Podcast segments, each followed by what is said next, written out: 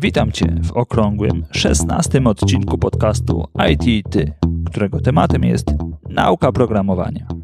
Notatkę, transkrypcję oraz wszystkie linki z dzisiejszej rozmowy znajdziesz na stronie itity.pl łamane przez 16. Przypominam, że w poprzednim odcinku razem z Michałem Matejko rozmawialiśmy o konteneryzacji. Jeśli jeszcze tego nie zrobiłeś, to zachęcam Cię do podzielenia się opinią odnośnie tego podcastu poprzez wystawienie oceny lub recenzji w aplikacji, której używasz do słuchania. Czy tego chcemy, czy nie, technologie informatyczne to nasza codzienność. Są tak powszechne jak elektryczność. Może Ty też jesteś związany z branżą IT? A może świat IT dopiero czeka na Ciebie? Poprzez wywiady takie jak ten Chcę pokazać i przybliżyć różne oblicza świata IT, a także ukazać ludzką twarz osób, które na co dzień w tym świecie przybywają. Osób, które podobnie jak ja uważają, że dzielenie się wiedzą jest fajne. Ja nazywam się Damian Ruciński i zapraszam Cię do naszego świata.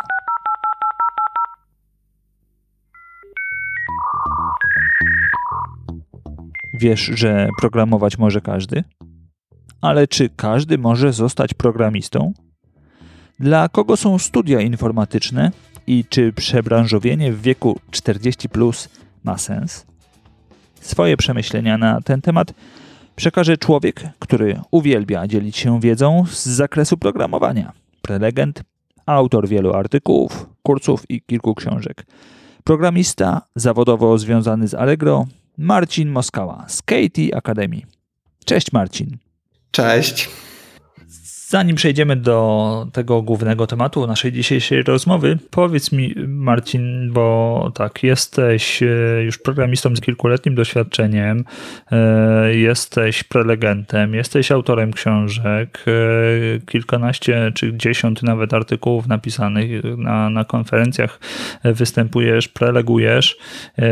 To dużo się tego uzbierało, ale ja chciałbym zapytać, jak to się w ogóle stało, że rozpoczęła się ta twoja przygoda z komputerami? Jak to się stało, że, że, że ten świat cię zafascynował? Wiesz, nawet napisałem to w podziękowaniach na początku swojej nowej książki. To jest historia, e, gdy byłem jeszcze małym dzieckiem, e, szedłem e, z babcią i spacerze i zapytała się mnie, kim chciałbym zostać w przyszłości. No ja wtedy jako to małe dziecko zapytałem, cytuję, a jak się nazywają ci panowie, co robią gry komputerowe? Akurat miałem taką książeczkę e, o robieniu gier komputerowych i tam było takie zdjęcie i, i, i o nich tam myślałem. To powiedziała, to są programiści. E, to ja chciałem zostać programistą. No i jakoś e, niedługo później zapisałem się na pierwszy kurs programowania, to był pamiętam Visual Basic. No i jakoś tak to poszło. E, potem robiłem stronę, e, robiłem gry, robiłem różne rzeczy. Choć oczywiście najbardziej się to rozwinęło przed studiami z, z symfonią i pasją C++, a potem studia e, między innymi informatyczne i, i, i już to poszło. Mhm, Okej. Okay. Czyli gdzieś ten wątek gier komputerowych na początku się, się przewinął, tak? Tej przygody. Okej. Okay. Tak. Dobrze, to przechodzimy już do, do tych rzeczy, o których dzisiaj chcemy, mm, chce, chcecie tutaj wypytać, bo tematem jest to, jak uczyć się programowania. E, to co, to, co mi się jawi w głowie, no to, to są dwie rzeczy. Jedna to jest y, teoria, a druga praktyka. I czy w ogóle tak na, na wstępie, czy można te, te dwie rzeczy jakoś e, od siebie mm, rozdzielić? E, czy, czy uczyć się samej teorii bez e, praktyki, czy ma to sens? I czy, czy mm, pójście w, w samo praktykowanie, czyli już chęć wielkiego e, kodowania bez, bez jakichś podstaw e, teoretycznych, e, chociażby z, z jakiejś algorytmiki, czy, czy, czy się sprawdzi to. Jak, jak ty to widzisz? Jaka jest twoja wizja na to? Znaczy, totalnie nauka bez podstaw, nadmiernych podstaw teoretycznych jest zupełnie możliwa i zdaje się efektywna. Mm, znam dużo osób, które zupełnie bez studiów, zupełnie bez żadnej, żadnego takiego przygotowania, powiedzmy, ściśle teoretycznego, zostały świetnymi programistami. Między innymi jeden z recenzentów mojej ostatniej e, książki skończył studia e, humanistyczne. E, bardzo dużo moich bliskich znajomych jest też po, po różnych studiach między innymi humanistycznych. Znam programistów, którzy pracowali na kasie w Biedronce i to przez, przez dobrych kilka lat, zanim stwierdzili, że zmieniają branżę i zostają programistami. Więc zostanie programistą e, nie wymaga lat studiów, nie wymaga nie wiadomo e, czego. Zazwyczaj jest to po prostu jakaś ścieżka, którą, którą trzeba przejść. Jest to długa, trudna ścieżka, e, ale wydaje mi się, że jest możliwa. Powiedziałbym, że niemalże dla każdego. Ja trochę porównuję to do nauki języka angielskiego, czy, czy przebiegnięcie maratonu. Czy, czy każdy jest w stanie przebiec maraton? No, generalnie no tak z marszu, no to no nikt, nie? Mhm. Prawie mało kto, ale e, jeżeli, czy każdy jest w stanie przygotować się, żeby przebiec maraton? No prawie każdy, no, za wyłączeniem osób, które, które z jakichś tam e, biologicznych powodów e, nie są w stanie tego zrobić, mm, to, to, to, to, to niemalże każdy jest, jest w stanie to zrobić. Jednemu to zajmie 100 treningów, intensywnych, ciężkich treningów, innemu 200, innemu 300, innemu 1000, ale powiedzmy, że niemalże każdy jest w stanie to zrobić. Mhm. Jeżeli chodzi o samą naukę, to ja tutaj nie rozdzielam sensu stricte teorii i praktyki, a bardziej na, patrzę na narzędzia, które w tym momencie mm, się dostaje. I e, dla mnie najistotniejszym narzędziem, znaczy dla mnie, no, obserwowałem trochę osób na, na ścieżce nauki programowania. Mm, najistotniejszym e, narzędziem wydają się coś, co ja nazywam interaktywnymi kursami programistycznymi, czyli kursy takie jak Free Code Camp, e, które podrzucają kolejne wyzwania. Najpierw dostarczają teorię potrzebną, żeby te, z tymi wyzwaniami się zmierzyć, no następnie podrzucają wyzwania, no i trzeba e, odpowiedzieć, znaczy trzeba rozwiązać to zadanie i e, wtedy można przejść dalej. Więc wydaje się, że to jest taka najbardziej, najistotniejsza forma zdobywania wiedzy. Natomiast nie jedyna. Ja wylistowałem e, różne metody w artykule Jak nauczyć się programowania u nas na, u mnie na stronie KT Academy mm, kt.academy.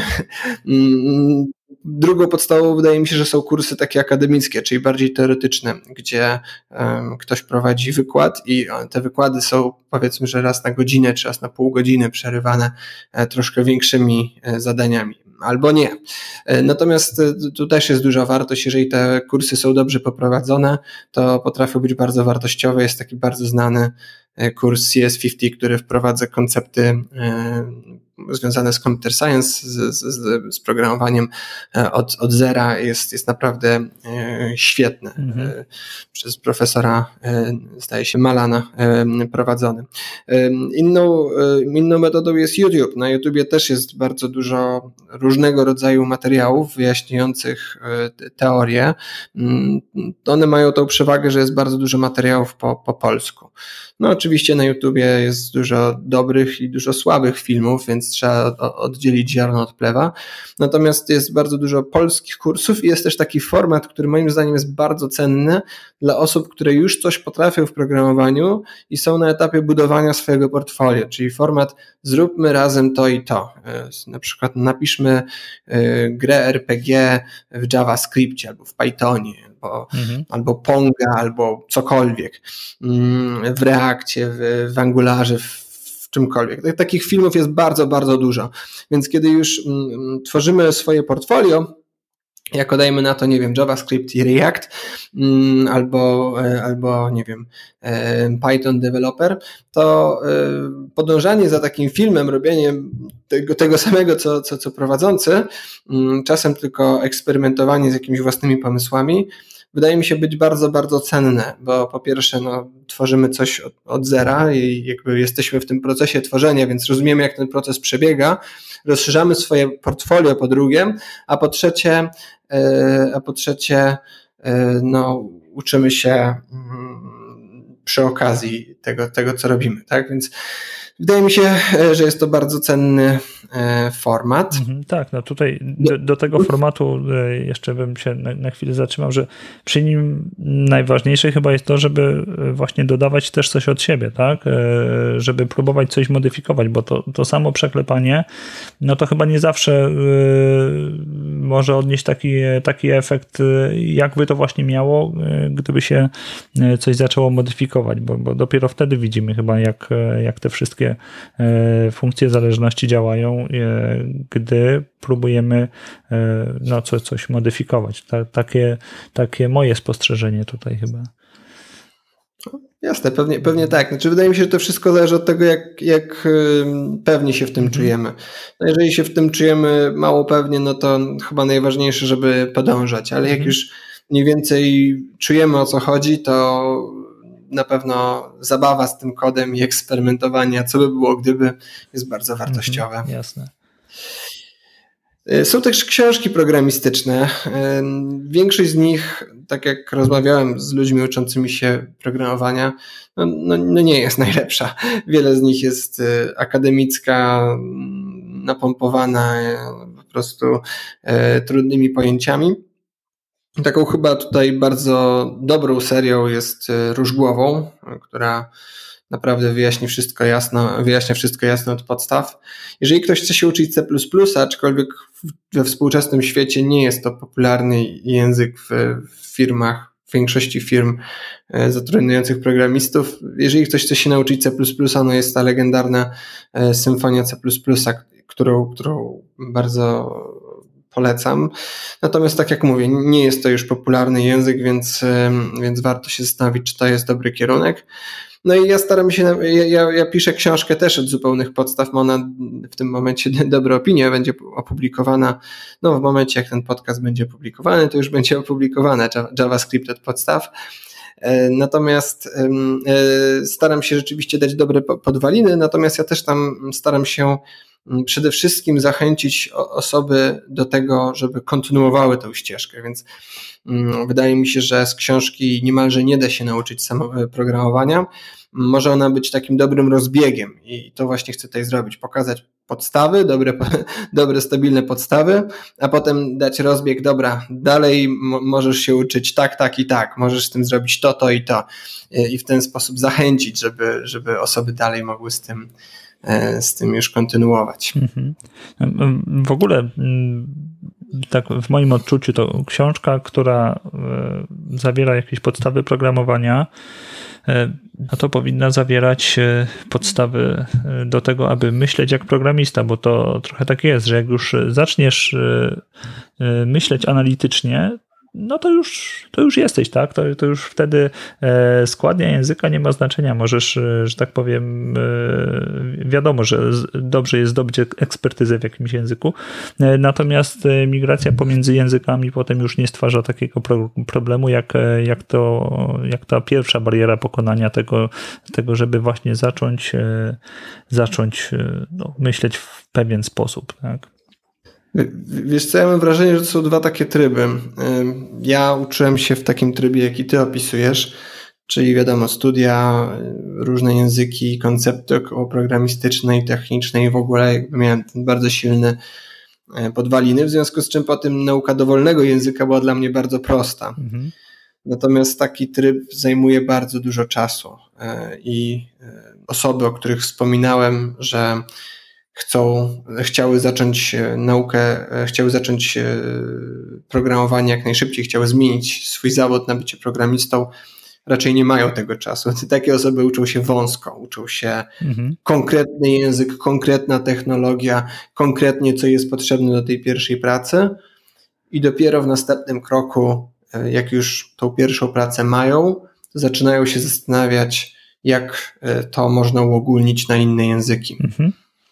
Okej, okay. dobra. No e, faktycznie tutaj e, no, ja też e, tą, tą gdzieś klasyczną ścieżką podążałem, gdzie, gdzie studia, potem dopiero rozeznanie, co, co dalej robić i dopiero, można powiedzieć, no gdzieś praca zweryfikowała to, w którą stronę faktycznie będę szedł, tak? Natomiast nie stanowiło to jakiegoś tam problemu, żeby no żeby wejść i w dany język i, i coś, coś zacząć działać.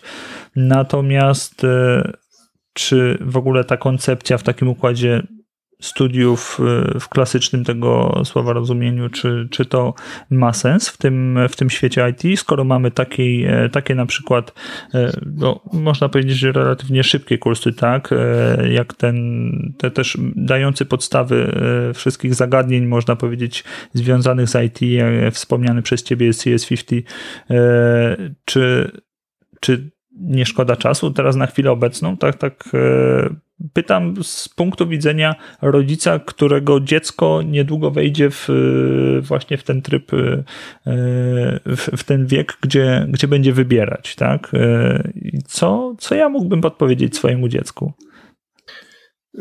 Wiesz co, wydaje mi się, że tu jest kilka kwestii. Mm, wydaje mi się w ogóle, że studia techniczne w tym momencie mają więcej sensu dla osób, które już są programistami. E, bo paradoksalnie mam wrażenie, że pokrywają one przede wszystkim tematy, które nie są kluczowe w pracy programisty, ale dopiero potem zaczynają zaczynają mieć sens, nie? Mhm. Mm, tak jak, nie wiem, uczymy się o rzeczach takich jak zarządzanie pamięcią, złożoność obliczenia. To są oczywiście ważne tematy, ale one nie są ważne dla juniora programisty, one są ważne dla seniora programisty. E, I tak jest z bardzo wieloma rzeczami, które, mm, które są na studiach. Zauważyłem, że one się zaczęły mi przydawać dużo, dużo później.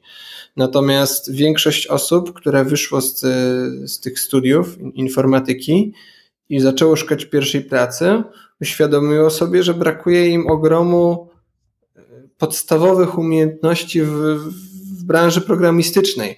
Tak naprawdę na studiach programuje się bardzo mało, a kod traktuje się, przynajmniej na Politechnice, gdzie studi studiowałem, ale mm, to był kierunek, e, który był uważany za jeden z najlepszych, jak nie najlepszy w Polsce e, w tej dziedzinie, więc E, więc raczej e, nie sądzę, aby było. E, znaczy, wydaje mi się, że na, na innych kierunkach nie, nie będzie jakoś dużo, mhm. dużo lepiej pod tym kątem.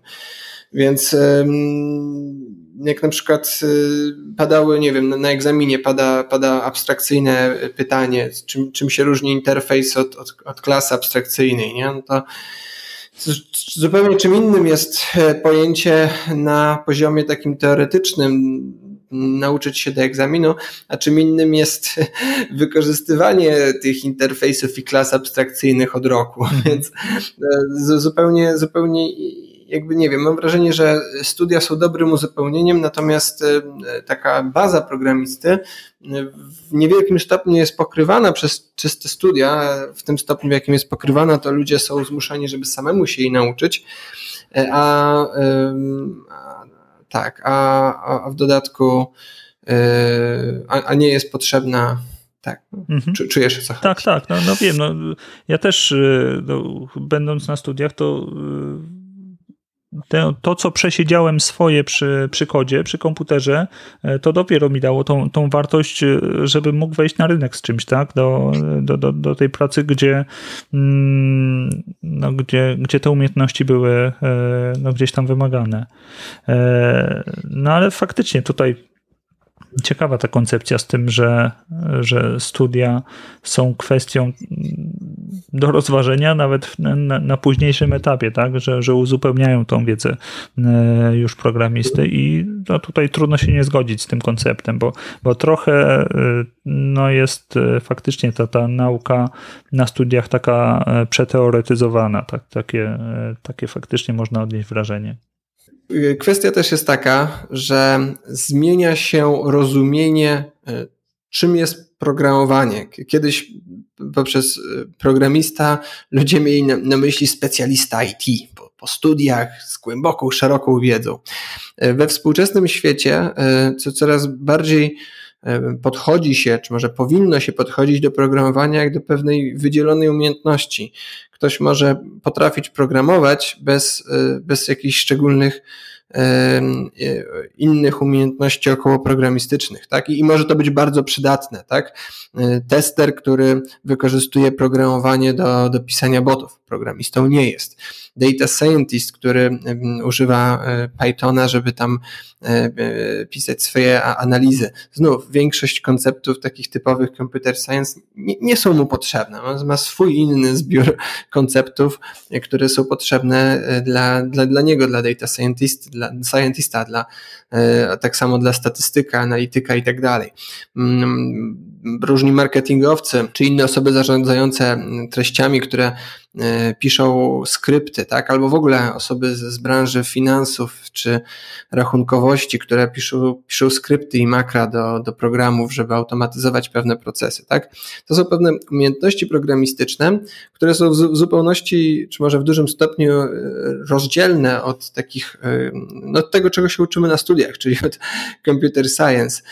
I wydaje mi się, że tutaj też trzeba coraz szerzej, coraz bardziej w ten sposób na to patrzeć, że, że, że wielu, wiele typów programistów nie potrzebuje mieć e, dużej części z tej wiedzy, która jest na studiach. Tak? Nie potrzebują rozumieć, jak działa procesor, jak działa pamięć i tak dalej. Mhm. Mm, no bo wystarczy im wiedza na temat, e, dajmy na to JavaScripta, jakiegoś frameworku i, i tego, czym się będą e, zajmowali. I wydaje mi się, że będzie coraz więcej osób, które wykorzystują programowanie w swojej codziennej pracy, a programistami nie są. I coraz częściej programista nie będzie postrzegany, znaczy w ogóle gdzieś tam myśl, wydaje mi się, że będzie się rozmywało pojęcie programisty. Coraz, coraz, coraz częściej będzie, e, będzie się ono dzieliło na pewne specjalizacje, tak jak już teraz się dzieli na testera automatycznego, czy data scientista, czy e, bioinformatyka. No, to są osoby wykorzystujące programowanie, a, a nie będące programistami. Mhm. Zresztą korowe programowanie też się zaczyna dzielić na mobile developer, backend developer, web developer i oni często też niewiele mają pojęcia na, na temat tego, co, co nawzajem wy, no wykonują. Mhm więc jakby rozmywa się pojęcie bycia programistą. Tak, no tutaj to e, można użyć takiego e, określenia chyba programowanie powszechne e, no będzie faktycznie przenikać coraz do coraz to większych mm, większej ilości osób, branż, ale to też no chyba zasługa narzędzi, które też będą się pojawiać, bo i się pojawiają, bo już do mm, takiego programowania w takim rozumieniu, że, że chcemy, żeby coś zostało wykonane po, po wykonaniu takich a takich e, operacji, e, no to już nie, nie potrzeba pisać kodu, już powstają narzędzia no-code, low-code, które, e, które obniżają w zdecydowany sposób ten, ten próg wejścia, tak? I tutaj no ten, ten koncept właśnie programisty jako, jako specjalisty tylko od programowania, który, który ma prze, to, co ma w projekcie, przepisać, przelać na kod, no trochę się rozmywa. Chyba przynajmniej takie mam ja też odczucie, że osoby, które działają w danej branży, znają dan, e, domenę danej firmy, to czym się ona zajmuje, plus posiadają te jakieś zdolności myślenia programistycznego, tak to określając, e, i e, potrafiące coś zaprogramować, no to chyba też taki kierunek nam się trochę teraz zaczyna dziać na rynku albo, albo będzie dziać. Ja, ja tak to widzę. Nie wiem, jakie jest Twoje zdanie na ten temat. Jestem bardzo sceptyczny do narzędzi typu e, Node Code, znaczy pewnie będą funkcjonowały, natomiast nie sądzę, aby mm, nie sądzę, aby stały się na tyle istotne, by wypierały programowanie. Mam wrażenie, że wręcz e, trend jest odwrotny, że coraz, coraz więcej rzeczy jest sterowane programowaniem, bo, czyli, czyli kodem, bo, bo jest to pod wieloma względami wygodne, tak? W sensie narzędzia typu y, no code y, z jednej strony są wygodne, bo korzystasz z jakiegoś interfejsu graficznego zamiast, zamiast kodu, no ale też z drugiej strony pod, pod wieloma względami nie są wygodne, ponieważ nie masz y, kontroli nad tym, mhm. jesteś często przywiązany do konkretnego narzędzia, mm, ciężej, znaczy zarządzanie wersji i takie rzeczy masz tylko w takim stopniu, w jakim program ci na to pozwala, tak, tak w czasie, kiedy w programowaniu... na pewno. Mhm. Tak. Mhm. W programowaniu masz Gita, którym łatwo zarządzasz zmianami, masz um, łatwo jest komuś pokazać ten kod, zmienić ten kod, podzielić się tym kodem, tak? Jest to w jakichś tam programach, e, w których trzeba wyklikać, jest to dużo, dużo cięższe, żeby na przykład pokazać komuś sekwencję y, ruchów, która do, do czegoś prowadzi. Mhm. Więc moim zdaniem trend będzie jednak szedł w, w stronę zapisu rzeczy w postaci kodu, Mhm. Natomiast mm, moim zdaniem będzie to też szło, mm, znaczy będzie to po prostu coraz bardziej zrozumiałe i coraz łatwiejsze. Cały czas się tak dzieje, tak? W sensie programowanie z każdym rokiem staje się łatwiejsze, wyraźnie łatwiejsze to, że tam kiedyś był taki stereotyp programisty jako osoby, y, która, wiesz jaki był stereotyp mm -hmm. 20 lat temu programisty, nie? Zamknięty, zamkniętej w piwnicy, jedzącej pizzy i, i, i otoczony jakimiś mikrokontrolerami i lutownicami. Tak, no, tak wyglądała moja pierwsza praca. Także. No, no właśnie na tym wygląda, na, na, tym mm, o to tu chodzi, że tak kiedyś to po Aha. prostu wyglądało, że kiedyś trzeba było wiedzieć, jak działa ta pamięć, jak działa ten procesor, jak, jak, jak działa system operacyjny. To było po prostu potrzebne w codzienności programistycznej w dzisiejszym świecie to zupełnie, zupełnie nie jest potrzebne, tak? W większości języków masz tam jakieś API, mówisz, zapisz coś na dysku i tyle. Pamięć jest zarządzana automatycznie. Procesorem nie musisz się przejmować. Jakieś dużo rzeczy jest optymalizowane automatycznie. Zresztą przez to, że nie trzeba się tak bardzo martwić o optymalizację pamięci, to w ogóle dużo rzeczy się uprościło. Mhm. Więc y, programowanie we współczesnym świecie jest dramatycznie prostsze niż było kiedyś i będzie stawało się coraz, coraz prostsze. Programy są, generalnie dąży się do rozdzielania programów, tak, że na przykład teraz jest duży, duży trend na architekturę clean code, znaczy piękna architektura i tak dalej, nie? że tam robisz duże programy, żeby je dobrze strukturyzować, żeby łatwo się na tym działało.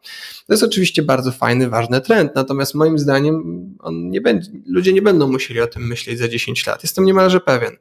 Już, już dzisiaj e, robimy się coraz lepsi w dzieleniu kodu, tak? E, kiedy piszemy projekty na, na backend, no to są mikroserwisy, które które dzielą e, program na, na, na małe programy, dzięki czemu nie, nie, trzeba robić wielkiego, potężnego kodu, tylko piszemy jakby jeden serwis. Już pojawia się rosnący trend z function as a, as a service, nie? że w ogóle cały, cały serwis jest tylko pojedynczą, pojedynczym endpointem.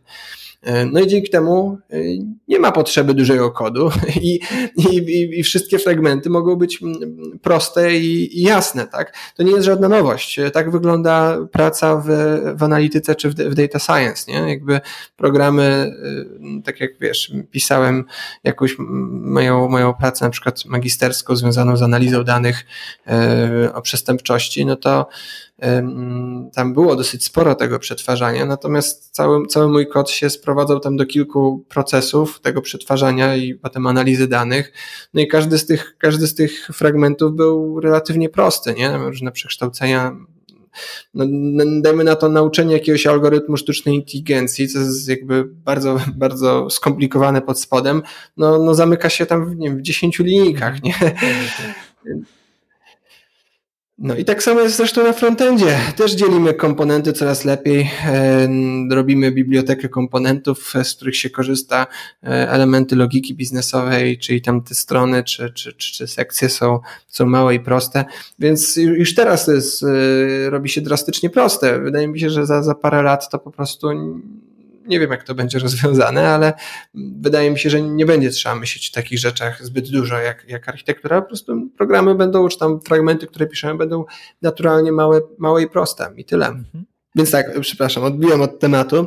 E, programowanie staje się wyraźnie coraz prostsze, tak? Coraz, coraz więcej osób może się tym zajmować. Coraz mniej, o coraz mniejszej liczbie rzeczy e, trzeba myśleć. Staje się coraz bardziej powszechne. Już teraz ogrom, ogrom ludzi naprawdę e, potrafi programować, co sprawia, że przenika ono do, do świata, do kultury.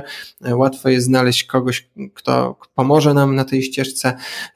Coraz, no tak, coraz łatwiej jest sięgnąć do programisty, tak? Coraz bardziej staje się przydatne, tak? Kiedyś bycie programistą, nie wiem, 20 lat temu, no to jakieś, jakieś tam makra albo, albo programy na komputerach, tak? Dzisiaj można pisać aplikacje na Androida, dzięki którym na przykład jak e, ktoś wchodzi, widziałem już e, takie rzeczy, że w sklepie e, wchodzi tam na zaplecze sprzedawca, wyciąga tylko telefon i natychmiast znajduje mu pudełko, w którym znajdują się poszukiwane buty, nie? Że nie musi samemu szukać. Mhm. Kamerka tam skanuje. Mm, kelnerzy przyjmują z, z, te zamówienia na tabletach. Więc telefony bardzo dużo ułatwiły. Teraz się pojawiają drony, pojawiają się różne e, ręki robotów w fabrykach coraz bardziej powszechne. Może kiedyś wyjdą do sklepów. To wszystko sprawia, że programowanie staje się coraz bliższe nam, coraz więcej rzeczy może ułatwić, tak? Coraz więcej serwisów ma publiczne API, coraz więcej rzeczy można załatwić w internecie. To wszystko sprawia, że, że programowanie jest po prostu bardzo, coraz bardziej przydatne, coraz bardziej dostępne, coraz łatwiejsze i coraz bardziej naturalnym jest, że no, coraz więcej osób chce się go uczyć i z niego korzystać. Mhm. Okej. Okay. Wspomniałeś wcześniej, że e, programistą praktycznie e, może zostać każdy, no co, co trudno się z tym nie zgodzić. E, natomiast czy oprócz chęci do, do programowania i abstrahując od tych stricte technicznych predyspozycji, to czy jaką rolę odgrywają tak samo te co, kompetencje tak zwane miękkie, czy, czy też power skills, jak to e, niektórzy je określają w, w roli programisty? I czy w obrębie kursu jakiegoś, czy, czy jest, e, jest się w stanie posiąść takie umiejętności, e, czy jak e, ty masz kontakt właśnie z osobami, które kończą kursy, czy, czy prowadzą kursy, czy, czy też sam jesteś autorem kursów, czy, czy te kwestie są też jakoś poruszane, czy to, to jest pozostawione zupełnie na, na, do, do innej sfery edukacji przerzucone? Wiesz co, zacznę tylko może od tego, że mm, nie wiem, czy, nie wiem, czy tak się wyraziłem, nie miałem na myśli tego, że każdy mhm. sensu stricte może zostać programistą, bardziej tego, że e, niemalże każdy jest w stanie nauczyć się e, programowania mhm, okay, jako umiejętności. Dobra. To jest, to jest ogromna różnica. Generalnie nau, nauczenie się programowania samo, czyli wykorzystywanie kodu, to jest może, może z jedna trzecia ścieżki do zostania programistą. Na tej ścieżce no, trzeba się nauczyć zwykle dużo więcej. -hmm. no, no, nauki obsługi narzędzi, e, różnych konceptów, e, frameworków, frameworka, no w zależności od tego, w którą stronę idziemy, ale zazwyczaj dużo, dużo więcej. Mm, po, po, po drugie, też oczywiście to, że niemal każdy może się nauczyć, no to tak, tak samo jak niemal każdy może się nauczyć języka angielskiego. Tak? Jest to długi, trudny proces e, i niektórzy by musieli na to poświęcić bardzo, bardzo dużo czasu, e, co znaczy, że dla wielu osób to nie było racjonalne. Tak? No, pewnie dla wielu osób nauka angielskiego nie byłaby racjonalna, jeżeli na przykład już, już, już kończą swoją aktywność albo skończyli swoją aktywność zawodową tak samo nauka programowania z punktu widzenia ekonomicznego zapewne nie jest racjonalna dla e, wielu osób e, i nie, nie zachęcam, znaczy nie, nie, nie, nie zachęcam do tego bezpośrednio. Ja zachęcam do, ja chciałbym spopularyzować umiejętności programistyczne, pokazać, że że to nie jest takie trudne, że można się tego nauczyć, wykorzystywać, bawić się. Chciałbym, żeby ludzie bawili się z programowaniem. A jakby zostanie programistą to już jest mhm. trochę inny temat, mhm. który w ogóle okay. unikam w, w swojej książce. Okay, Teraz pytanie mm, jeszcze e, pytanie e, o umiejętności, znaczy warunki początkowe do, do, do zostania, znaczy do, na, tej, na tej drodze. Przede wszystkim E, bardzo ciężko jest wykonywać zawód programisty, e, a nawet e, robić, a nawet programować hobbystycznie bez umiejętności, bez znajomości języka angielskiego. Angielski jest chyba najczęstszym, najczęstszą przeszkodą. Niestety język angielski, niestety, niestety jest w tym momencie językiem programowania. Programiści dyskutują najczęściej po angielsku, wymieniają się wiedzą po angielsku. Wiele polskich firm e, technicznych ma swoje blogi techniczne e, wyłącznie po angielsku, nie bez powodu. Więc to jest pierwsza rzecz. No drugą rzeczą jest to, że zanim zabierzemy się za umiejętności programistyczne, to powinniśmy najpierw zabrać się za ogólne umiejętności związane z obsługą komputera, e, związane z przeglądarką internetową i tak dalej. To są takie warunki wstępne, co, co, czego co, co, trzeba umieć, żeby moim zdaniem efektywnie zacząć iść tą ścieżką. Co oczywiście nie zmienia faktu, że jest ta ścieżka możliwa dla niemal e, wszystkich, po prostu sprawia, że dla niektórych będzie ona dużo, dużo dłuższa i cięższa, tak, no bo sama, sama nauka programowania to jest dużo mniejszy pikuś niż nauka języka angielskiego, obsługi komputera, e, obsługi przeglądarki i programowania. Mhm. Teraz e, a propos mm, ogólnych umiejętności nietechnicznych, e, umiejętności miękkich, szczerze mówiąc nie zastanawiałem się nad tym. Wydaje mi się, że one są dobrym e, uzupełnieniem do pracy programisty, natomiast nie traktuję, znaczy tak, nie traktuję ich jako warunek konieczny, tak? Oczywiście, jeżeli na przykład osoba jest społeczna, to może utrudniać jej to pracę w pewnych e, firmach. E, z drugiej strony, jeżeli osoba ma zmysł estektyki, jest akurat programistą frontend albo Android, to na pewno jest to duży bonus, duże wzmacnia jego pozycję w, w, firmie i w zespole. Natomiast nie zastanawiałem się nad tym, nie wydaje mi się, żeby tutaj były, były te umiejętności takie miękkie, e, kluczowe e, na tej ścieżce. Wydaje mi się, że są raczej e, dodatkiem, które może pomagać albo utrudniać. Mhm. Okej. Okay. Dobrze, czyli wiemy już mniej więcej, co powinna osoba, jakie mieć powiedzmy predyspozycję, chcąc wejść głębiej, tak? Natomiast e, wiemy też z tego, co, co powiedziałeś, o ile dobrze rozumiem, to przebranżawiając się, wchodząc do, do branży, chcąc zostać właśnie programistą, sprawdzić, czy to programowanie nam się podoba, to bardzo dobrze byłoby się na początek skupić na tym jakimś jednym języku konkretnym, tak? Nie, nie łapać co chwila to, to co innego, tylko zrobić jeden konkretny kurs, zagłębić się i, e, i zobaczyć, czy, e, czy nam to siedzi, czy, czy nie, tak? E, mhm. Okej. Okay. A w takim układzie jeszcze e, kolejne pytanie mm, nawiązujące do tego początku przygody, czyli kiedy najlepiej rozpocząć przygodę z programowaniem? Wiadomo, że pewnie jak najwcześniej i, e, i to byłoby najlepiej, gdyby to się działo na, e, na poziomie mm, szkoły podstawowej, a może nawet przedszkola w, pod, w przypadku jakichś, jakichś tam gier programistycznych, tak? Natomiast z Twojego punktu widzenia jako, e, jako osoby, która, która właśnie uczy, to jaki jest e, taki powiedzmy wiek, gdzie świadomie wchodzimy w to, w to programowanie i wiemy, e, powiedzmy, jakie to są, jakie to przynosi nam konsekwencje, czy, czy to jest w ogóle do, do określenia? I czy jest jakaś różnica pomiędzy osobami, które weszły w to programowanie w bardzo młodym wieku, a pomiędzy osobami, które e, powiedzmy e, no, wchodzą w, e, w ten w, już w dorosłym życiu, powiedzmy mając te 40 lat, postanawiają, że się przebranżowią. Wiadomo, że, że będzie to wymagało od nich bardzo dużo pracy, ale czy czy mają szansę na to, żeby, żeby jeszcze wejść w, w to, e, w ten, w ten świat i zostać programistą? Tak, oczywiście. Tak jak już wspominałem, znałem osoby, które po naprawdę latach e, pracy typu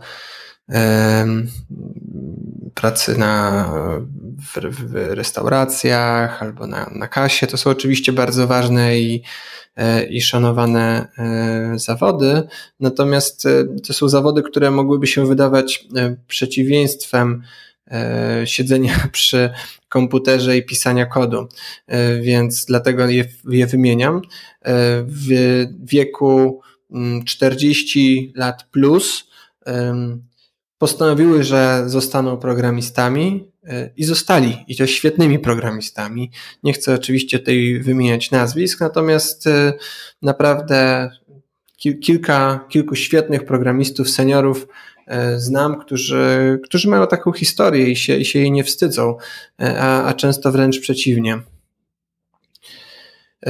Pytanie, kiedy najlepiej zacząć z mm, przygody z programowaniem, to dla mnie jest bardzo podobne pytanie na to, kiedy najlepiej zacząć przygodę z językiem angielskim. Mhm. No w zasadzie ktoś mógłby argumentować, że po co uczyć się tego języka angielskiego w młodym wieku, skoro przez długi czas nie będzie nam on konieczny, być może. A być może będzie. Jasne.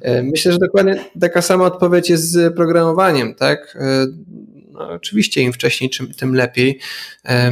Tak samo jak w języku dziecięcym, no raczej na programowaniu nie zarobimy e, będąc y, jeszcze młodziakami, natomiast już wtedy możemy z niej korzystać i mam znajomych, którzy y, wykorzystywają od bardzo młodego wieku. Mam znajomego, który założył grę popularną internetową w okresie gimnazjalnym, bo jeszcze do gimnazjum chodziłem, czy, czy może już, y, i sprzedał ją za ileś tam tysięcy, za naprawdę solidne pieniądze. Ja robiłem strony klasy, jakieś tam też parę, parę stronek z, z jakieś pieniądze sprzedałem dostałem oczywiście nieduże. Inni moi znajomi e, na przykład właśnie nauczyli się i potem e, płynnie przeszli z, z liceum do robienia projektów i zostania programistami. Zresztą znam programistów, świetnych programistów, którzy zaczęli pracować jeszcze e, będąc w liceum. Więc no naprawdę może się to wcześniej przydać. Może też przydać do hobby. Jedni stawiają serwery potem w jakichś grach typu Minecraft, inni piszą skrypty do WoWa, jeszcze inni bawią się robotyką, no bo to jest świetna zabawa generalnie. Można naprawdę dużo ciekawych rzeczy zrobić z programowaniem. Inni tak jak ja pisali gry, tak zanim, zanim e, poszedłem na studia, już się bawiłem dużo w pisanie różnych, różna, różnorakich gier e, więc tak, no, można naprawdę dużo, dużo ciekawych rzeczy y, robić z programowaniem na, na dowolnym etapie życia. Okay. Dobra, to, to jeszcze y, podrążę temat tych y, początków, zachowując tutaj analogię do tego języka angielskiego. Tak jak wspominałeś, że dobrze i języka angielskiego, i, i programowania dobrze zacząć się tak jak najwcześniej. Tak, tak, tak, taka może być konkluzja, tak? Zatem od jakiego języka najlepiej byłoby rozpocząć tą przygodę e, z programowaniem? Czy masz tutaj jakiś taki język e, na myśli, który no teraz, na, na ten moment e, daje najniższy próg wejścia do, do programowania? Czy, czy coś byś mógł tutaj polecić? A wiesz, to jest w ogóle bardzo ciekawy temat, bo często się pojawia ten temat, że w zależności od tego, od czego się zacznie, to co innego będzie dla nas później intuicyjne. E, często pada ten e, motyw, że tonacje, w których muzycy uczą się na początku, a jest generalnie kilka takich tonacji, w których się uczą, e, dokładnie w tych tonacjach powstają potem najlepsze piosenki, takie najbardziej spłynące z serca, poruszające serce. Dlaczego w tych? No nie dlatego, że one są w jakiś sposób wyjątkowe e, do, do tego, tylko właśnie dlatego, bo oni się w nich e, uczyli najlepiej na nich operują. I tak samo mówi się o programowaniu, że to, że większość programistów zaczyna uczyć się od programowania imperatywnego, potem sprawia, że taki styl programowania wydaje się bardzo intuicyjny. Często bardziej deklaratywne, funkcyjne metody programowania pojawiają się dopiero później e, i dlatego ciężej wchodzą w krew. Wydaje mi się, że już mi na tyle bardzo weszło, że, że w tym momencie jest dla mnie dużo bardziej intuicyjne, więc być może można to wyćwiczyć. Natomiast to, od czego się zaczyna, wciąż wydaje się mieć bardzo duży y, wpływ.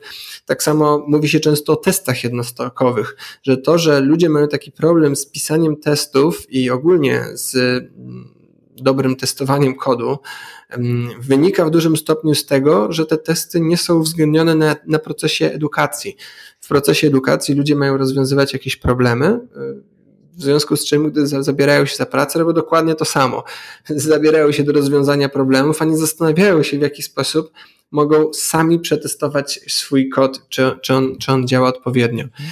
Więc tutaj mm, rzeczywiście jest e, duża dyskusja od tego, e, e, w jaki sposób należałoby zacząć, jeżeli ktoś chciałby nauczyć się programowania solidnie i długoterminowo, nie? bo to są dwa różne terminy. Często jak pójdzie się do jakiegoś zawodowego muzyka, nie wiem, na lekcję pianina i powie się, że chcesz, się nauczyć grać na pianinie, to jeżeli, jeżeli to jest dobry nauczyciel, to zazwyczaj zada ci pytanie, e, czy chcesz się nauczyć grać naprawdę dobrze, czy planujesz, żeby grać przez, przez lata, żeby być wyśmienitym muzykiem, czy planujesz tak nauczyć się w laskotek na płotek, żeby się popisać na imprezie?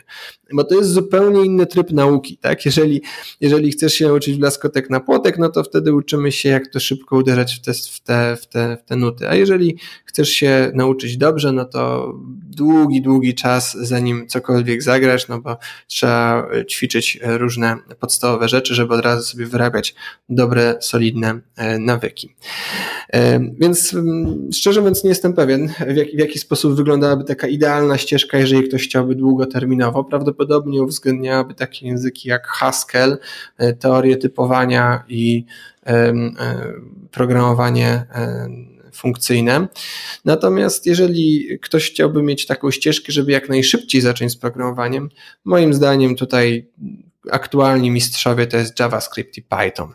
Są proste, dają bardzo dużo możliwości, e, w zależności od tego, czy chcemy robić rzeczy bardziej wizualne. Jeżeli tak, to, to JavaScript, możemy łatwo robić strony internetowe, aplikacje, e, czy nawet, e, czy nawet tam różne inne rzeczy, można programować boty, jakieś sztuczne inteligencje, jest bardzo, bardzo dużo rzeczy można zrobić w JavaScriptie.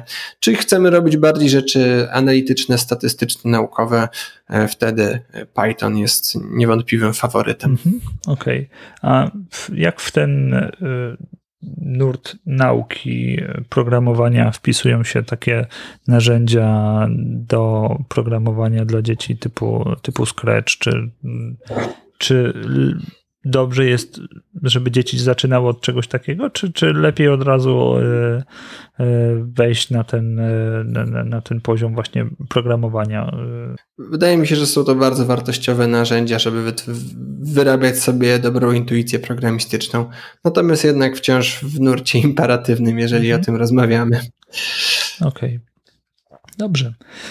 Jeszcze w kwestii nauki, zdobywania wiedzy, mm, to powiedzmy, że ktoś e, zapisuje się na kurs, ukończy ten kurs e, online i pytanie, czy dobrze jest, żeby taka osoba pozostała dalej sama, czy, czy może wskazane byłoby, żeby taka osoba gdzieś popracowała z jakimś e, mentorem, czy, czy taka w ogóle koncepcja pracy z mentorem, tego co, e, żeby pokazał nam e, na jakim etapie jesteśmy, żeby był w stanie ocenić ten, tą naszą, ten nasz poziom zdobycia wiedzy, naszych umiejętności, czy to jest rzecz gdzieś pożądana w trakcie kursu, dobrze, żeby coś takiego miało miejsce, czy czy raczej wersja kończę kurs i idę do do pracy, tam zobaczymy, jak e, te moje umiejętności e, się sprawdzą. Wydaje mi się, że mentor jest jedną z, jednym z ważniejszych elementów, jeżeli chcemy rozwijać się jako e, programiści na tej ścieżce. Dobry mentor jest bardzo cenny i wartościowy pomaga nam uporządkować wiedzę, pozbyć się złych praktyk, złego zrozumienia, wyjaśni dla nas w dobry sposób koncepty, które, które źle rozumiemy, które inaczej byśmy nie zrozumieli albo rozumieli źle. E, I wydaje mi się, że jest wartościowy zarówno wtedy, kiedy podążamy tą ścieżką komercyjną, czyli chcemy zostać e, programistami, jak i wtedy, kiedy po prostu bawimy się z programowaniem. Może to być osoba wynajęta do tego, zazwyczaj można ją znaleźć na, na, na, portalach od korepetycji, albo może to być osoba, której, e, którą w jakiś sposób inny kojarzymy. Wiem, że dużo właśnie podcasterów i blogerów też e, oferuje takie, takie formy mentoringu. E, natomiast jeżeli chodzi o pierwszą pracę, to wydaje mi się, że to jest jedna z największych wartości w, w, pracowaniu jako programista. Jak już się dołącza do jakiejś pracy, to zazwyczaj dostaje się tam mentora, w sensie często tą funkcję spełnia cały zespół, twój przełożony, albo po prostu jakaś osoba w zespole. Natomiast zwykle jest tak, że mm, no, ten zespół zależy, żeby tworzony przez ciebie kod działał dobrze, był sensowny, żebyś, żebyś ty E, poprawił, poprawiła swoje błędy i e, nauczył, nauczyła się robić coś e, dobrze. W związku z czym mm, no, taki mentoring jest powiedzmy, że wbudowany w większość zawodów. Dlatego też zauważyłem, że jak już ktoś dostanie pierwszą pracę jako programista, to je, jego rozwój dramatycznie przyspiesza, ale po prostu tak, że nagle w przeciągu tygodnia e, uczy się często tyle, ile wcześniej w przeciągu miesiąca. No, jednym elementem tego jest to, że, że programuje się cały czas, tak? 8 godzin się, się poświęca i jest się to niejako do tego zmuszonym, ale drugim jest też to, że właśnie dostaje się ten mentoring często z kilku źródeł mm, i bardzo praktyczny pod, pod to, co się robi. E, więc, e, więc jest to bardzo wartościowe. Dlatego też zresztą moim zdaniem e, warto jest, jeżeli można sobie na to pozwolić, zacząć od stażu albo praktyk. Dużo, dużo łatwiej się na, dostać na staż albo praktyki niż do normalnej pracy. Wiadomo, że one są dużo mniej płatne albo czasem nawet bezpłatne.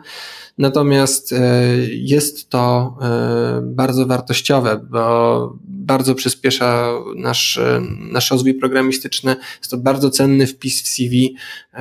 Często jak, jak się przegląda doświadczenie osoby, to przede wszystkim się patrzy na to, ile ma doświadczenia zawodowego. Dopiero jak nie ma doświadczenia zawodowego, no to wtedy w drugiej kolejności się patrzy na projekty, studia i, i, i takie rzeczy. Więc e, to naprawdę jest moim zdaniem bardzo, bardzo cenne. Mhm. Okej.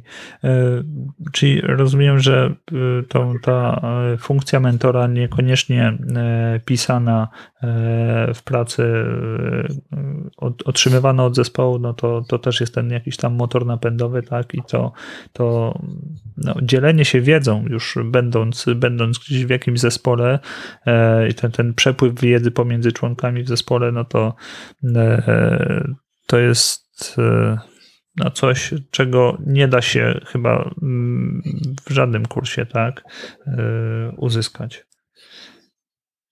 Hmm. hmm. Okej. Okay. Wiesz co, jeszcze tak, y, takie pytanie mam odnośnie e, właśnie mentora i, e, i kursu. Czy, czy zdarzyło ci się, że spotkałeś się z takimi kursami właśnie, które oferują e, jednocześnie mm, współpracę z mentorem? Bo to zazwyczaj, no rozumiem, że jeżeli są to jakieś bootcampy, no to pewnie tak. Pewnie jest tam taka dedykowana osoba, która no, opiekuje się tym, tym, tym danym kursantem. Ale czy podczas wykupionych kursów kursów online jest, te też można e, liczyć na, e, na coś takiego? Szczerze mówiąc, nie wiem. Ciężko mi powiedzieć. Mm, myśmy. Ja mam w głowie taki projekt, który jeszcze nie ruszył, e, ale chciałbym uruchomić kiedyś w przyszłości taki projekt, powiedzmy, że takiego półrocznego bootcampu, albo może antybootcampu, bo właśnie zamiast to kondensować, tak jak wiele bootcampów robi, to ja widziałbym bardziej taką rolę mentoringową, że w niewielkiej grupie spotykalibyśmy się tam raz na e, tydzień, no i e, opierałoby się to przede wszystkim na pracy własnej przez całą resztę e, tygodnia, no i na podsumowaniu lekcji i, i mentoringu właśnie raz na tydzień. Więc chodzi, chodzi za mną taki projekt, wydaje mi się, moim zdaniem byłoby to bardziej wartościowe od klasycznego bootcampu, mm, przynajmniej dla pewnych typów osób. Natomiast nie spotkałem się jeszcze z czymś takim, co by już funkcjonowało. Mhm. Okej. Okay. Powiedz mi, jak to jest z tym już wejściem na rynek pracy? Bo rozumiem, że kończymy jakiś kurs, jakieś e, studia, cokolwiek, e, cokolwiek by, tam nam nie, nie odpowiadało. I mm, stajemy przed, e, przed tym właśnie przed tą decyzją, czy, czy ja jestem już gotowy, czy jeszcze czegoś e, potrzebuję się dowiedzieć. I na, na, następuje ta konfrontacja e, samego siebie z e, ogłoszeniami od, od pracodawcy, czyli aplikacja na stanowisko juniora. Jaka jest Twoja wizja, czy, czy, czy doświadczenia, możesz tutaj coś powiedzieć, czego oczekuje pracodawca od juniora? Zazwyczaj te oczekiwania są wypisane na ofercie pracy. Najczęściej konieczna jest znajomość oczywiście języka, po, drugie frameworku, w którym e, operujemy, po trzecie zestawu narzędzi dookoła tego, no i po czwarte ogólnie wzorców i praktyk, pewna wiedza ogólnotechniczna. Dla przykładu, jeżeli ktoś e, na przykład chce zostać e, web developerem, tak, programistą stron internetowych, najprawdopodobniej będzie musiał znać e, HTML i CSS, JavaScript, wybrany framework, na przykład React, Vue czy Angular. Najważniejsze narzędzia takie jak Git oraz używane IDE, na przykład IntelliJ e, albo WebStorm albo Visual Studio Code. Pewne ogólnie używane wzorce i praktyki musi poznać pewną wiedzę techniczną, około techniczną, na przykład czym jest protokół HTTP, jakie ma metody e, i tak dalej, czym są bazy danych. No i chyba najważniejsze, musi e, poznać to wszystko naprawdę dobrze, tak? Mieć ukończonych kilka projektów. Te projekty są chyba tutaj najcenniejsze. Więc y, ja w artykule Jak zostać programistą, y, też u nas, u mnie na stronie y, kt.academy, KT Academy, opisuję taki siedmio, siedmiokrokowy plan nauki, który przeszło trochę moich znajomych oraz podopiecznych.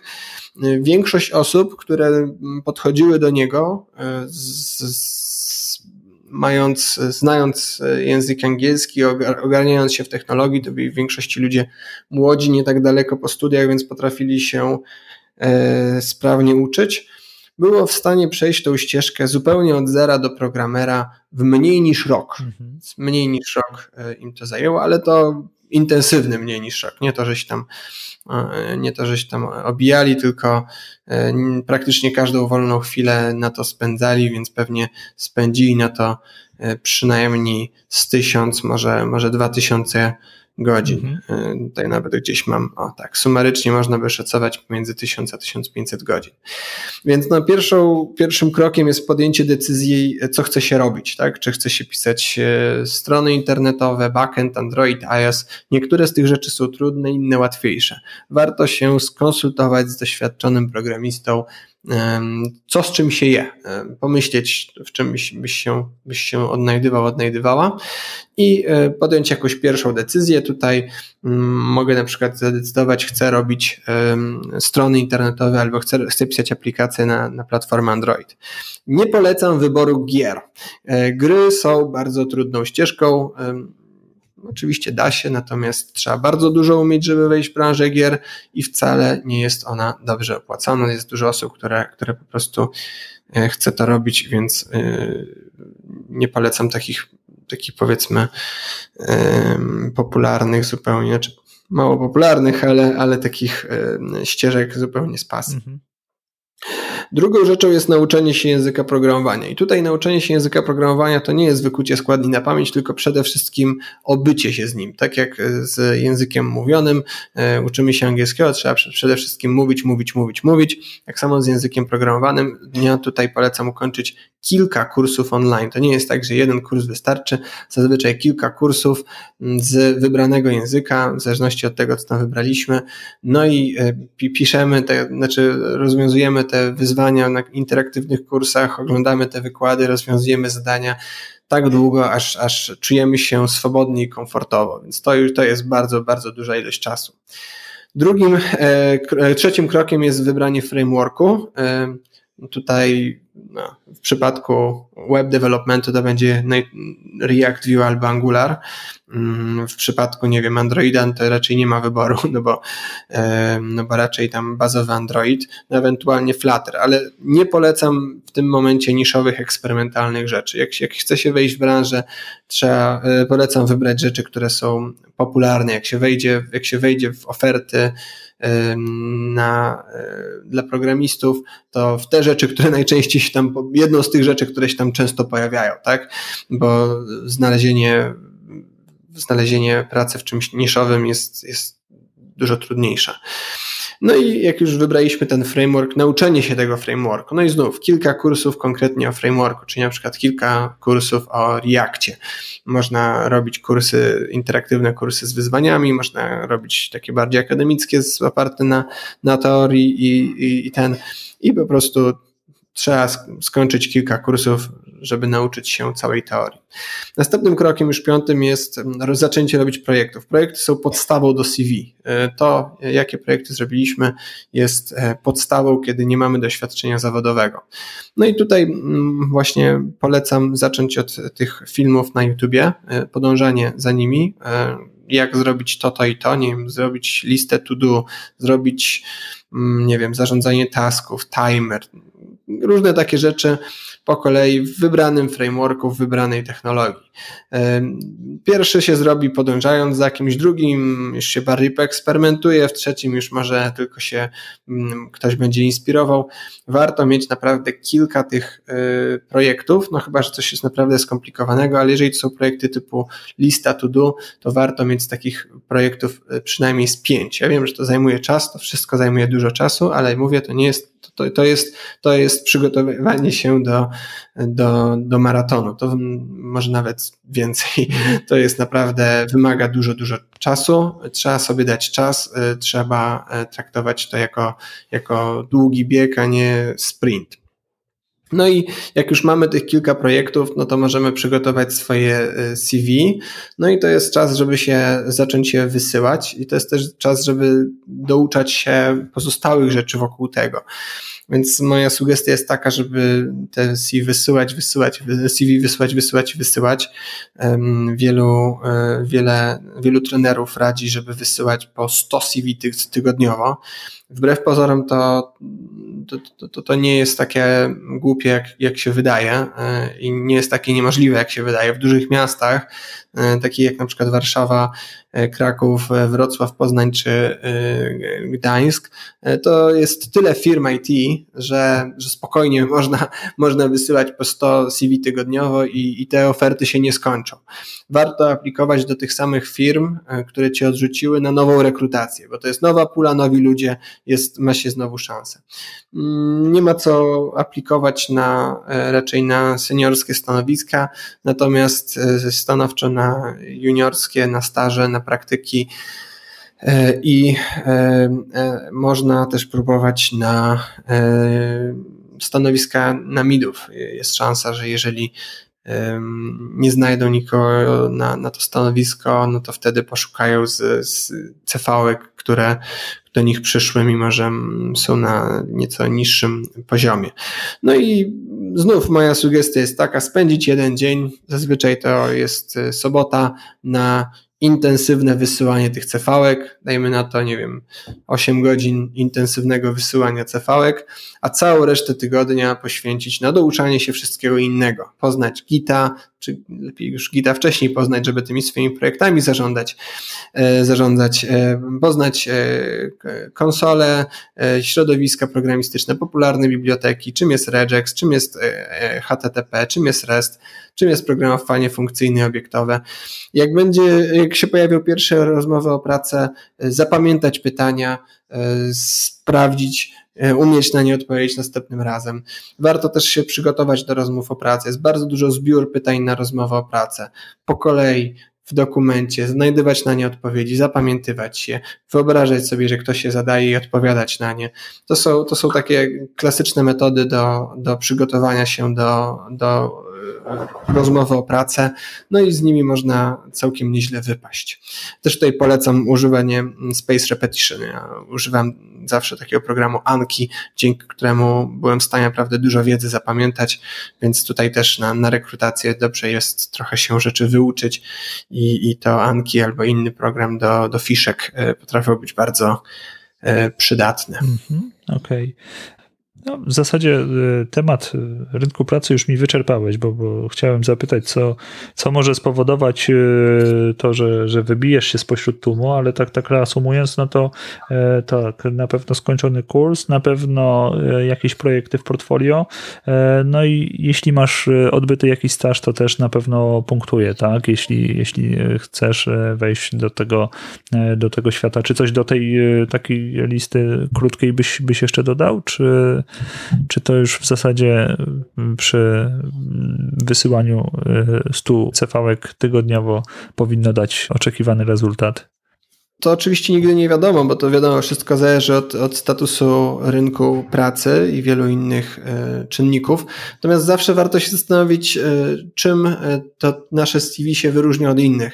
I tak jak mi się wydaje, z mojego doświadczenia, jako osoby, które no, towarzyszyła niejednej rekrutacji, y, że zazwyczaj osoby, y, rekruterzy patrzą przede wszystkim na staż pracy. To jest taki kluczowy y, czynnik, który jest tutaj no, bardzo istotny. Nie ma w tym przypadku. Widać, że jeżeli ktoś popracował, to ma bardziej, dużo bardziej praktyczną wiedzę niż ktoś, kto zna to wszystko tylko z teorii i, i z prywatnych, z prywatnych projektów. Jeżeli nie ma stażu pracy, moim zdaniem drugie najważniejsze rzeczy to są ekwiwalenty tego stażu pracy, czyli właśnie projekty, czyli to, ile, ile czasu spędziłeś realnie na pisaniu kodu, jak ten kod wygląda. Mm, dobrze też te projekty mieć wrzucone, w ogóle dobrze jest mieć taki wirtualny CV, czyli swoją prywatną stronę internetową i na niej e, wrzucone te projekty, żeby ktoś, jeżeli to jest oczywiście możliwe, żeby ktoś mógł sobie na nie wejść. Zazwyczaj nie będą, ale, ale warto to umożliwić.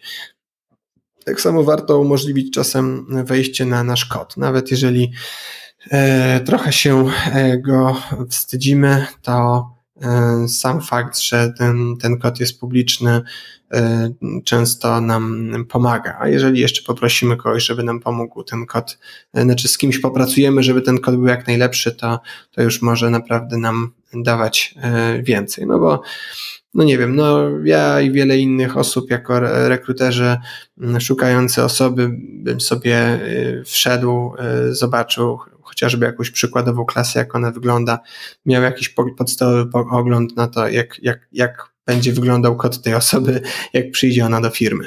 Mhm. Okej. Okay. E, dobrze. E, Marcin, w zasadzie wyczerpaliśmy chyba tą pole tego, e, o czym chciałem dzisiaj z Tobą porozmawiać. Prosiłbym jeszcze mm, na koniec, żebyś mógł e, podać jakieś materiały uzupełniające, jeżeli ktoś chciałby właśnie e, dzisiaj po wysłuchaniu tego odcinka rozpocząć zagody, przygodę z programowaniem. Tak, chcę zostać programistą, e, albo inaczej, nie zostać programistą, chcę zacząć programować, tak? E, bo, bo tutaj e, zrobiliśmy takie rozróżnienie na te dwie rzeczy. To od czego na, na dziś już mógłby zacząć? Jakieś, nie wiem, książki, blogi, kanały na YouTubie albo coś, coś jeszcze innego? Więc właśnie kończę książkę e, JavaScript od podstaw, która jest właśnie skierowana dla takich osób. E, tam e, uczę tylko podstaw mm, programowania, staram się dać dobre podwaliny na start, no a potem to, co jest bardzo ważne, pokazuję, jak można dalej tę ścieżkę kontynuować. Natomiast to, jakie, z jakich źródeł korzystać, wydaje mi się, starałem się nie podawać konkretnych źródeł, a bardziej powiedzieć, w jaki sposób ich szukać.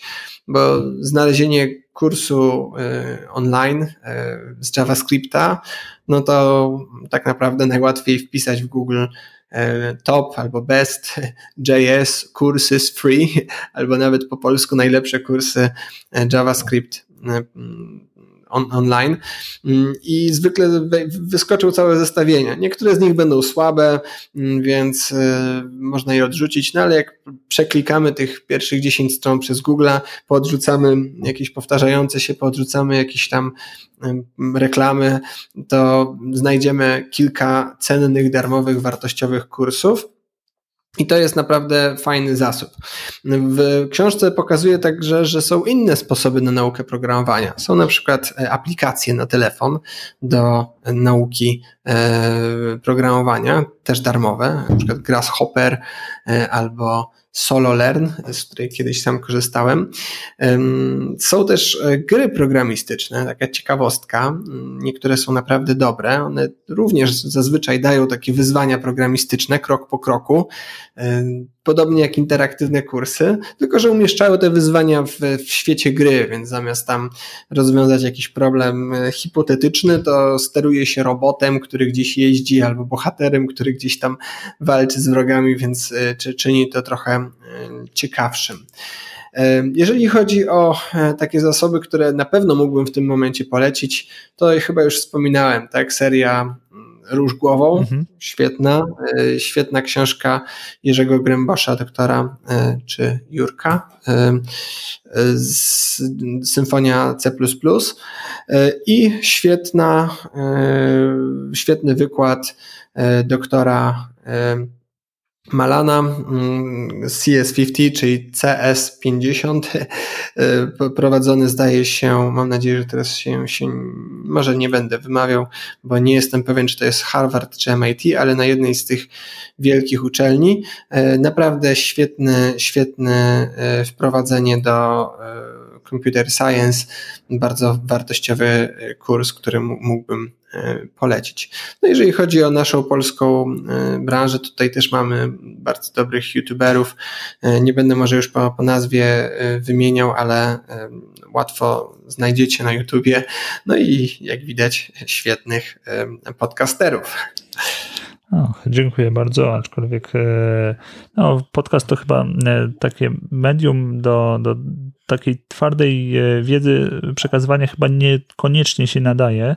Na tym poziomie takim entry level to, to, to chyba e, bardziej kwestie e, związane z YouTube'em się bardziej sprawdzą. Tak mi się wydaje jednak, mm, żeby można było sobie coś przepisać, przeklepać i, i sprawdzić jak to, jak to działa. Natomiast e, jeśli faktycznie chodzi o, o, poszerzanie wiedzy już w konkretnym jakimś danym języku, e, no to bardziej tu chyba też anglojęzyczne e, podcasty wchodzą w grę, gdzie, gdzie tam się zdecydowanie więcej dzieje i, i można śledzić na bieżąco na jakieś nowinki językowe, natomiast e, świat polskiego podcastu IT będzie, będzie rósł e, i, e, i też coraz więcej jakichś wartościowych treści też się tutaj będzie pojawiać. Marcin, mm, wspominałeś mi jeszcze przed rozmową, na, e, zanim weszliśmy na antenę, że e, szykujecie się właśnie, czy, czy też już jest uruchomiona e, akcja Podaj Dalej. Czy mógłbyś kilka słów na ten temat powiedzieć? O, o co z tym wszystkim chodzi? Tak, myślałem, że zaczniesz od tego tematu, bo to zdaje się mm, poruszający temat. Rzeczywiście zaczęliśmy akcję Właściwie to e, wymarzyłem sobie akcję jeszcze w e, grudniu zeszłego roku. Wymyśliłem, że e, chciałbym trochę spopularyzować programowanie w Polsce i zastanawiałem się, w jaki sposób dotrzeć do osób, które normalnie nie wyszukują wiedzy, no bo jakby kursów w internecie darmowych, materiałów jest naprawdę dużo, ale problem jest taki, że większość osób o tym nie wie, bo nawet nie wie, jak, taki, jak, czegoś takiego, jak coś takiego znaleźć. No i wtedy właśnie mm, wymyśliłem, że takie osoby często chętnie złapałyby się za w miarę prostą książkę. Mm, a już od jakiegoś czasu eksperymentowałem z taką formułą podaj dalej. Mm, kupowałem książki, czasem no, w dużych ilościach, 20 książek i naklejałem na nią takie etykiety, gdzie pisałem hej, to jest książka typu podaj dalej, e, przeczytaj ją albo nie i podaj następnej osobie, która twoim zdaniem mogłaby na niej skorzystać, tak? No i rozdawałem ją znajomym. Potem jak starałem się śledzić, to mm, znajomi, znajomi znajomych i znajomi znajomych znajomych chwalili się, że rzeczywiście ją dalej przekazywali. Od dużej liczby osób też dostawałem informacje, że ją przeczytały. Czasem osób, którym tego nie, nie przekazywałem, ale na przykład dotarły do nich z drugiej, trzeciej ręki. Więc mm, wydaje mi się, że e, sama akcja była bardzo udana. Udało mi się, udało mi się e, dotrzeć e, z tymi książkami do różnych osób i wymarzyłem sobie, że zrobię coś takiego właśnie z książką o programowaniu od podstaw. No i właśnie stąd powstała ta książka JavaScript od podstaw. Ona jest specjalnie napisana, jest z tego co wiemy pierwszą na, na świecie książką napisaną pod podawanie jej dalej. E, zresztą nasza akcja Podaj Dalej jest pierwszą na świecie taką, taką akcją. E, drukujemy, będę drukował tysiąc książek w wersji Podaj Dalej z wdrukowanymi na etykiecie na, na, na, na okładce i na, na grzbiecie, znaczy na, na, na przodzie i na grzbiecie jest takie wielkie czerwone podaj dalej, a z tyłu jest wdrukowana instrukcja, właśnie mniej więcej to, co powiedziałem. Nie ma prawa zalegać na żadnej półce, przeczytaj lub nie i podaj następnej osobie, która na tym najbardziej skorzysta. Y, więc drukuję tysiąc takich książek i będę je y, rozdawał. Y, I w sumie nie spodziewałem się, że spotka się to z takim zaangażowaniem, bo już jakoś wstępnie zacząłem się kontaktować. Najpierw skontaktowałem się ze, ze swoją firmą, czyli z Allegro i okazało się, że są bardzo zainteresowani wsparciem tej akcji. Potem za, za, zacząłem się kontaktować z innymi firmami i różne inne firmy również są zainteresowane wsparciem tej akcji, więc wygląda na to, że, że, że ta akcja e, zaczyna nabierać rozpędu. No i gdzieś tam mm, coraz, e, coraz e, więcej dostajemy sugestii, że no, może ta, ta akcja trochę poruszyć to, co się dzieje na naszym polskim rynku programowania. Mam nadzieję, że tak będzie, no bo chciałbym, żeby programowanie przestało być elitarne, przestało być dostępne dla wąskiej grupy osób, a zaczęło być dostępne dla, e, dla, no, dla dużej liczby osób, dla niemal wszystkich, tak? Tak jak język angielski w naszym, w czasie mojego dzieciństwa był powiedzmy, że elitarny, mało kto potrafił gadać, e, rozmawiać w języku angielskim. To nie znaczy oczywiście, że dedykuję, kto jest elitą, kto nie, ale po prostu osoby, które potrafiły, czerpały z tego mocne korzyści, wysokie korzyści. Natomiast osoby, które y, nie potrafiły, no to tak, no, miały z tym mhm. problem. I liczę na to, że to, to samo się y, uda y, tutaj w Polsce wywołać, że zaczną ludzie, że zacznie się upowszechniać programowanie i zaczną z niego korzystać jak najwięcej osób. Nie, nie chodzi tutaj o zostawanie programistami. Chodzi przede wszystkim o, o to, żeby, nie wiem, Mm, nauczyciele mogli pisać e, gry edukacyjne, albo tworzyć, e, albo biznesmeni mogli tworzyć swoje e, strony internetowe swoich firm, żeby po prostu mm, programowanie, z programowania mogło korzystać jak najwięcej osób i, i, i żeby całe nasze społeczeństwo mogło czerpać z tego korzyści, zarówno ekonomiczne, jak i technologiczne. Mhm. Okay. Bardzo fajna akcja, bardzo fajna misja w ogóle z tym, z tym szerzeniem wiedzy i to no ja też się podpisuję pod tym obiema e, rękami, a nawet e, nogami, że, że coś takiego jest, e, jest potrzebne. No i mm, myślę, że dużo osób nie zdaje sobie sprawy z tego, jak, jak dużą programowanie daje frajdę po prostu z tego, z tego, że się coś tworzy. Tak? Więc to jeśli chociaż kilka osób dzięki tej akcji, chociaż e, z tego co wspominasz, to jest na szeroką skalę e, tutaj skrojona, to nawet jeśli kilka osób dzięki tej akcji się przekona do tego programowania i pozna, co to jest ten, ten smak tworzenia czegoś, no to już na pewno wielki sukces, tak? Jasne, mam nadzieję, że się uda. Okej. Okay. Marcin, w moim podcaście mm, rozmawiamy o, e, o IT i o osobach, które w tym świecie e, są, żyją. E, natomiast misją tego podcastu jest też ukazanie takiego ludzkiego oblicza tych, tych właśnie osób. Stąd moje takie pytanie: mm, jakie są Twoje pasje takie spoza IT? Jejku, powiem Ci, że mam bardzo dużo różnych rzeczy, którymi się zajmuję e, i to się szybko zmienia. E, nie lubię się nudzić, nie, nie spędzam zazwyczaj lat na czymś, raczej e, wchodzę w coś dosyć intensywnie i po jakimś czasie zmieniam to na coś innego. Chociaż były rzeczy, którymi zajmowałem się przez lata, może cię tutaj zaskoczę, przez dobrych parę lat e, tańczyłem różne tańce latynoskie, chyba najwięcej na e, zuku, e, tak, taki taniec zuk spędziłem. Też oczywiście baciata i inne wokół tego. Mm, no zresztą na zuku spotkałem moją wtedy spotkałem dziewczynę, która która została moją narzeczoną, a już niedługo moją żoną. Mhm. Ostatnio od jakiegoś czasu e, biegam, nawet przebiegłem niedawno półmaraton, teraz się szykuję do maratonu. Prawie zawsze gdzieś tam chodziła wokół mnie siłownia, gdzieś tam e, zapominałem, potem wracałem do, do, do siłowni. E, pisanie oczywiście, nie tylko techniczne, ale również zacząłem pisać opowieści i liczę na to, że uda mi się kiedyś doprowadzić mój warsztat do, do poziomu, w którym będę mógł wydać dobrej jakości książkę fabularną. E, ostatnio mam też takie e, artystyczne e, zacięcie. Staram się rozwijać w sobie takie artystyczne zacięcie. Mm, postanowiłem, że przekieruję, znaczy poćwiczę je na malowaniu figurek jakieś tam inne e, formy malowania i rysowania e, uskuteczniam. Liczę na to, że kiedyś będę w stanie w większym stopniu tworzyć obrazki do własnych książek samemu. Więc gdzieś tam chodzi za mną bardziej poważny kurs też rysownictwa. Mhm. Jejku, co jeszcze?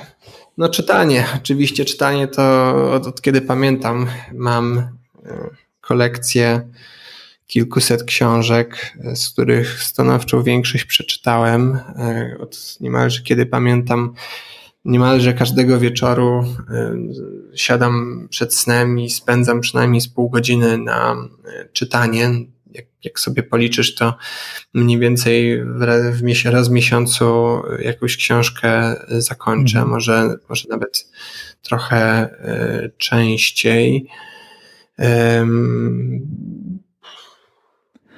to faktycznie tych, e, tych e, aktywności e, nietechnicznych no masz sporo i, i zainteresowań i, i na pewno fajnie tutaj to właśnie rzuca światło na to, na to życie programisty, człowieka z branży IT, który jest obeznany z technologiami, a który gdzieś potrafi mm, zachować taką harmonię pomiędzy tym, co jest pracą, a pomiędzy tym, co jest pasją i co, co nie znaczy, że praca nie jest pasją, tak, ale takie zamykanie się na, e, na, na jeden świat, szufladkowanie do, tylko do powiedzmy e, tak samo osób właśnie z branży IT, jako tych, które e, nic poza tym światem IT nie widzą, no to jest chyba tutaj właśnie poprzez twój przykład zostaje odkłamane.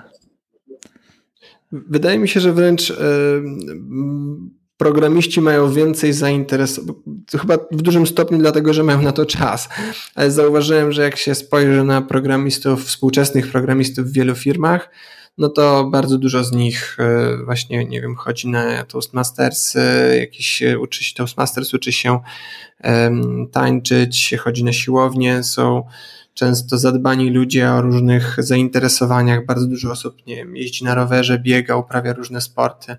Wydaje mi się, że dlatego, bo branża programistyczna daje dużo benefitów, nie, nie zmusza do pracy po godzinach i nie jest i, i wymaga też pewnego odreagowania umysłowego, więc wydaje mi się, że to jest bardzo dobrym, bardzo dobrą podstawą, żeby e, te osoby miały jak najbardziej bogate życie poza pracą. Jasne, tutaj dbanie o tą higienę umysłu jest jak najbardziej e, wskazane.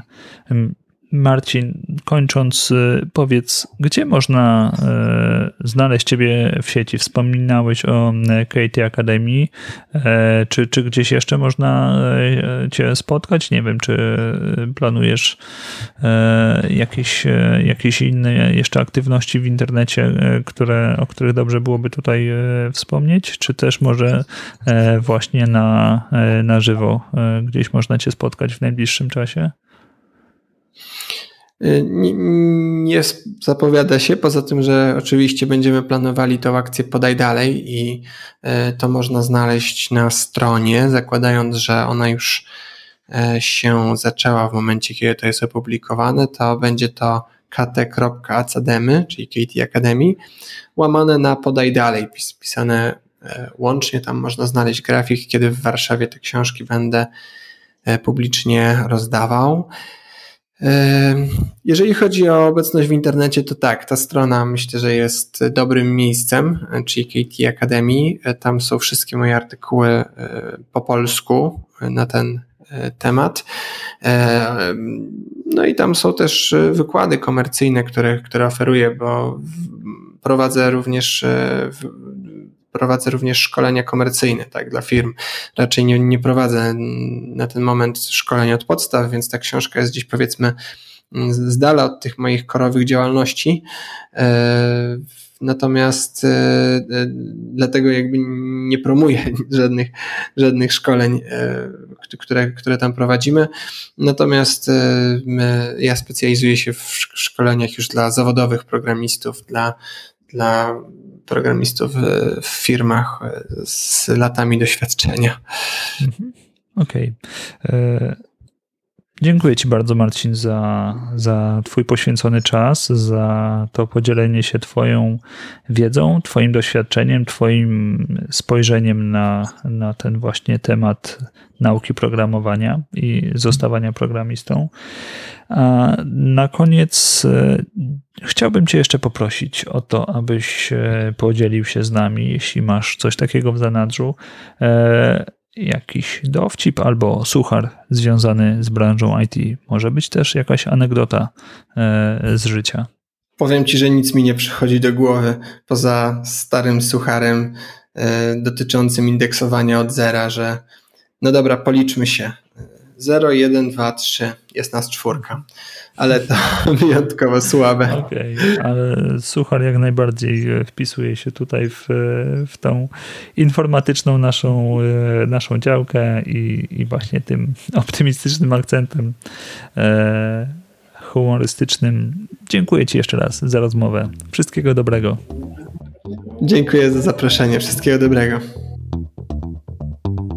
Jeżeli jeszcze nie było Ci dane sprawdzić swoich sił w programowaniu, to mam nadzieję, że po wysłuchaniu tego odcinka motywacja wzrosła do takiego poziomu, że nic nie będzie w stanie Cię powstrzymać przed rozpoczęciem zabawy z programowaniem właśnie. Jeśli spodobał Ci się ten odcinek, to proszę podziel się nim z przynajmniej jednym znajomym bądź znajomą. Może oni też znajdą tu coś dla siebie. Masz jakieś uwagi lub pomysły? Pisz śmiało na adres damianmałpa.it.pl. Aby mieć pewność, że nie przeoczysz kolejnego odcinka, zapraszam Cię do subskrybowania podcastu IT w aplikacji, której używasz do słuchania podcastów, Spotify lub polubienia profilu podcastu na Facebooku. Wszelkie potrzebne linki znajdziesz na it.pl łamane przez subskrybuj.